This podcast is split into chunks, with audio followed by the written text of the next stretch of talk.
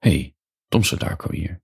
Het idee is dat ik jou in slaap praat over hele diepe filosofische, melancholische onderwerpen, omdat wij niet de type mensen zijn die van oppervlakkige praat houden. Laat ik het anders zeggen, jouw brein wil geprikkeld worden. En ik doe dat. Dus sluit je ogen, je hoeft niets meer, behalve luisteren. Val in slaap, merk na 15 minuten dat je in slaap was gevallen, doe die oordopjes uit en slaap verder. Of val met mij in slaap. Ik praat gewoon door en misschien kom ik je nog wel bezoeken in je droom vannacht.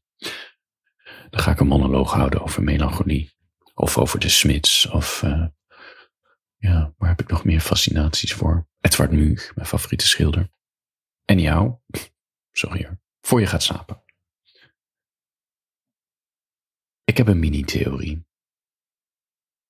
En mijn mini-theorie is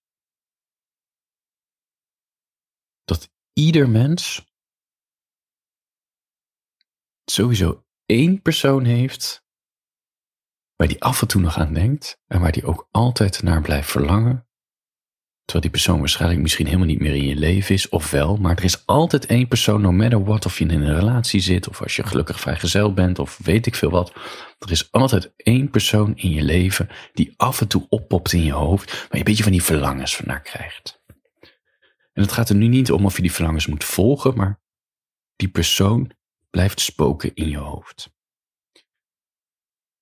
En wat ik nog opmerkelijker vind, is aan die ene persoon dat het altijd een component van onbereikbaarheid in zich heeft. Anders kan het ook geen verlangen zijn natuurlijk.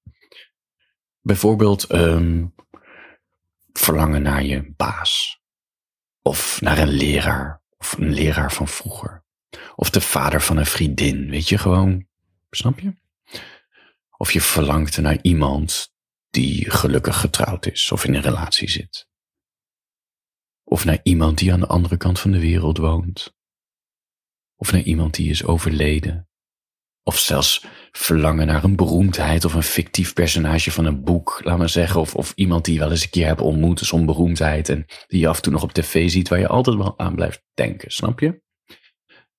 Het kan ook verlangen zijn naar een periode met een persoon in je verleden, dus terwijl dat nooit meer terugkomt.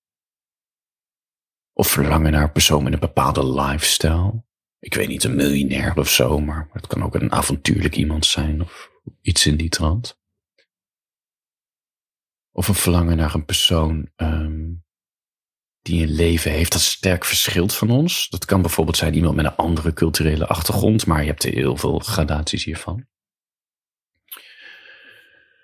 En dit verlangen kan natuurlijk ook, laat me zeggen, die ene persoon, dat kan ook heel erg hangen aan, aan jouw eigen leven, dus aan je verleden. Um, een onbeantwoorde liefde, liefde uit je middelbare schooltijd bijvoorbeeld. Of een relatie die op een wrange manier is overgegaan, waar je toch heel hele tijd over blijft denken. Of de, je eerste grote liefde die je nooit bent vergeten. Of zo'n zomerromance van een paar jaar geleden waar je toch nog elke keer aan blijft denken.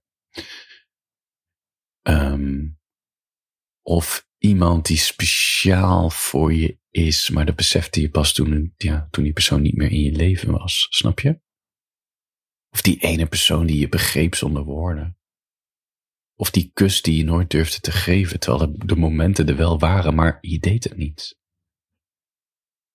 Of die relatie waar die belofte van voor altijd werd verbroken, waar je ook nog steeds aan denkt. Of de passie van een kortdurende affaire waar je nog regelmatig aan denkt dat je met iemand had. En nog erger is het, laat me zeggen, die, die, die relaties of, of, of flirts die nooit echt iets werden gewerkt, laat me zeggen, van nooit echt ja, tot bloei kon komen. Sorry voor deze veel te zoete beeldspraak, tot bloei komen, maar ja, waar je de rest van je leven blijft afvragen, wat als, wat als we onze gevoelens hadden uitgesproken, of als we het toch hadden geprobeerd, of wat meer moeite hadden gedaan, snap je? Wat ik zei, we hebben, allemaal één zo'n persoon minimaal in ons hoofd zitten en waarschijnlijk voldoet die aan een van deze opsommingen. Me zeggen dat onbereikbare component erin zit. En dat moet ook, want een verlangen moet iets onbereikbaars hebben. Dit is mijn theorie. Ons hoofd we zijn met een soort default modus geboren dat we altijd naar iets of iemand willen verlangen. En mijn boodschap is, je wilt, je denkt dat je je denkt, je denkt, en daardoor martel je jezelf ook, dat je dat verlangen moet vervullen. Maar dat is het punt. Dat verlangen wil zich niet vervullen. Als je het vervult, zal iemand anders daarvoor in de plaats komen in je hoofd en is er weer een nieuw verlangen. Blijkbaar wil ons hoofd altijd naar iets verlangen wat een onbereikbaar component in zich heeft. En het is niet alleen het verlangen, dit is misschien, nou ja, ik wou zeggen het verraderlijke, maar je kan ook zien als poëzie, het poëtische. Dat is dat we die ander, wie dat ook mogen zijn, die vergroten we enorm uit in ons hoofd. Eigenlijk tot een soort mythische grootheid. We dichten daar heel veel dingen aan toe. Te rationeel gezien, nou ja, niemand is perfect, maar in ons hoofd wordt het heel groot. En die persoon gaat ook nog al onze onzekerheden wegnemen. En we, we plakken de dingen aan als we zijn voor elkaar bestemd. Uh, onze zielen kunnen samensmelten. Misschien is het wel de ware. Weet je, al die hele grote woorden die we gebruiken, dat eigenlijk het is gewoon een soort mythologie. We maken een mythische grootheid van een ander. En die persoon voelt aan als het antwoord op al onze problemen. Maar wat ik zeg, die problemen zullen altijd blijven bestaan. En die persoon is niet het antwoord. Nee, ik denk niet. En nu ga ik een beetje de spirituele kant op. Dat waar we naar verlangen, die mythische gevoelens van samensmelting, bla bla bla. Ik denk niet dat we dat ooit kunnen ervaren in deze stoffelijke wereld. Het bestaat niet. En misschien is er een hiernamaals en bestaat het wel. Of is het gewoon het gebied van de dromen? Maar dan nog, die verlangens zullen nooit uitkomen. En als ze uitkomen, zullen ze nooit voelen zoals je het had voorgesteld, want niemand kan aan die mythe voldoen. En hoe langer je erover nadenkt, dus hoe, meer jaren je verlangt naar een persoon, hoe groter en perfecter die persoon in je hoofd wordt. En eigenlijk ook des te meer reden om er juist niks mee te doen met die verlangens, want het levert je alleen maar teleurstelling op. Dat is mijn tip. Thompson Darko zegt, volg niet je verlangen. En als je het wel volgt en het voelt wel fijn, dan komt er iets anders. Dat is ook een regel in het leven. Um, dat alles normaal wordt. Hetzelfde als dromen over heel veel geld hebben. Als je uiteindelijk heel veel geld hebt, voelt het als de gewoonste zaak van de wereld en vind je het niet meer bijzonder. Dat is ook met die personen. En voor je het weet slaat de verveling toe. Wat is de grootste vijand van onze ziel? Verveling. En dan beginnen we weer te verlangen. Begrijp je?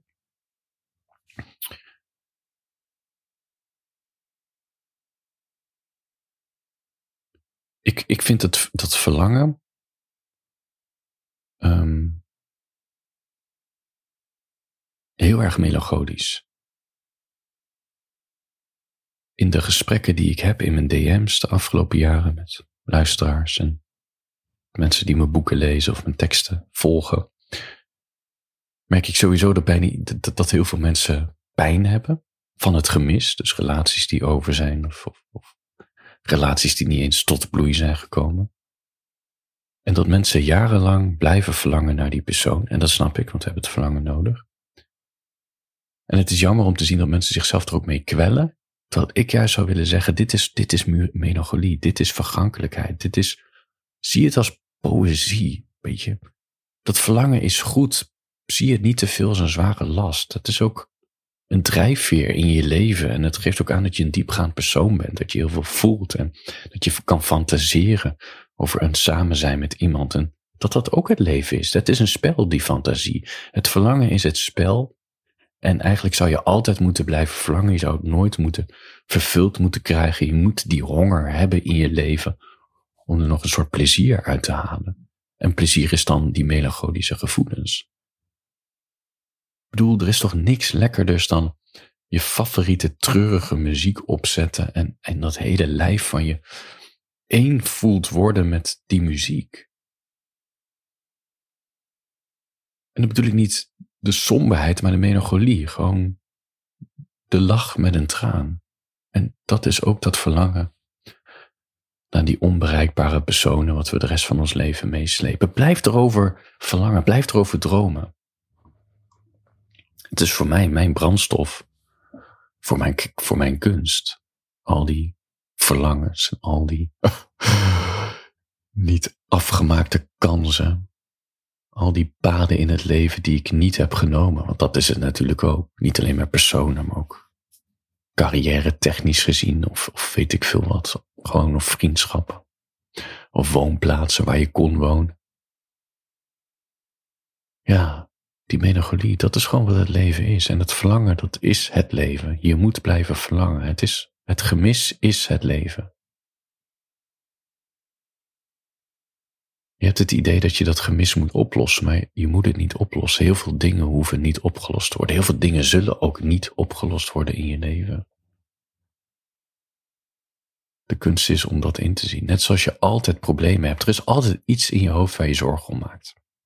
Schrijf vandaag op een lijstje met al je zorgen. Of het nou geld is, of een woning, of gedoe op werk. Zet het in je agenda over een jaar, dit lijstje. Volgend jaar plopt die op in je agenda als herinnering. En dan zul je zien dat meer dan de helft van het lijstje, die problemen zijn gewoon weg. Gewoon opgelost in een jaar tijd. Gewoon, of het doet er minder toe dan je dacht. Maar op dat moment dat je het leest, kan je gewoon weer een nieuw lijstje maken, want je hebt gewoon weer nieuwe zorgen. Je zult altijd zorgen blijven hebben. Je zult altijd verlangens blijven hebben. Je zult altijd een gemis blijven voelen. Je zult altijd die melancholie meenemen. En ik denk dat we onszelf te veel martelen met het idee dat problemen opgelost moeten worden. En dat verlangens vervuld moeten worden. En dat je niet melancholisch of verdrietig mag voelen. En ik zeg, het is allemaal oké. Laat het er gewoon zijn. Het is onderdeel van wie je bent. De onderwerpen wisselen, de gevoelens zullen blijven.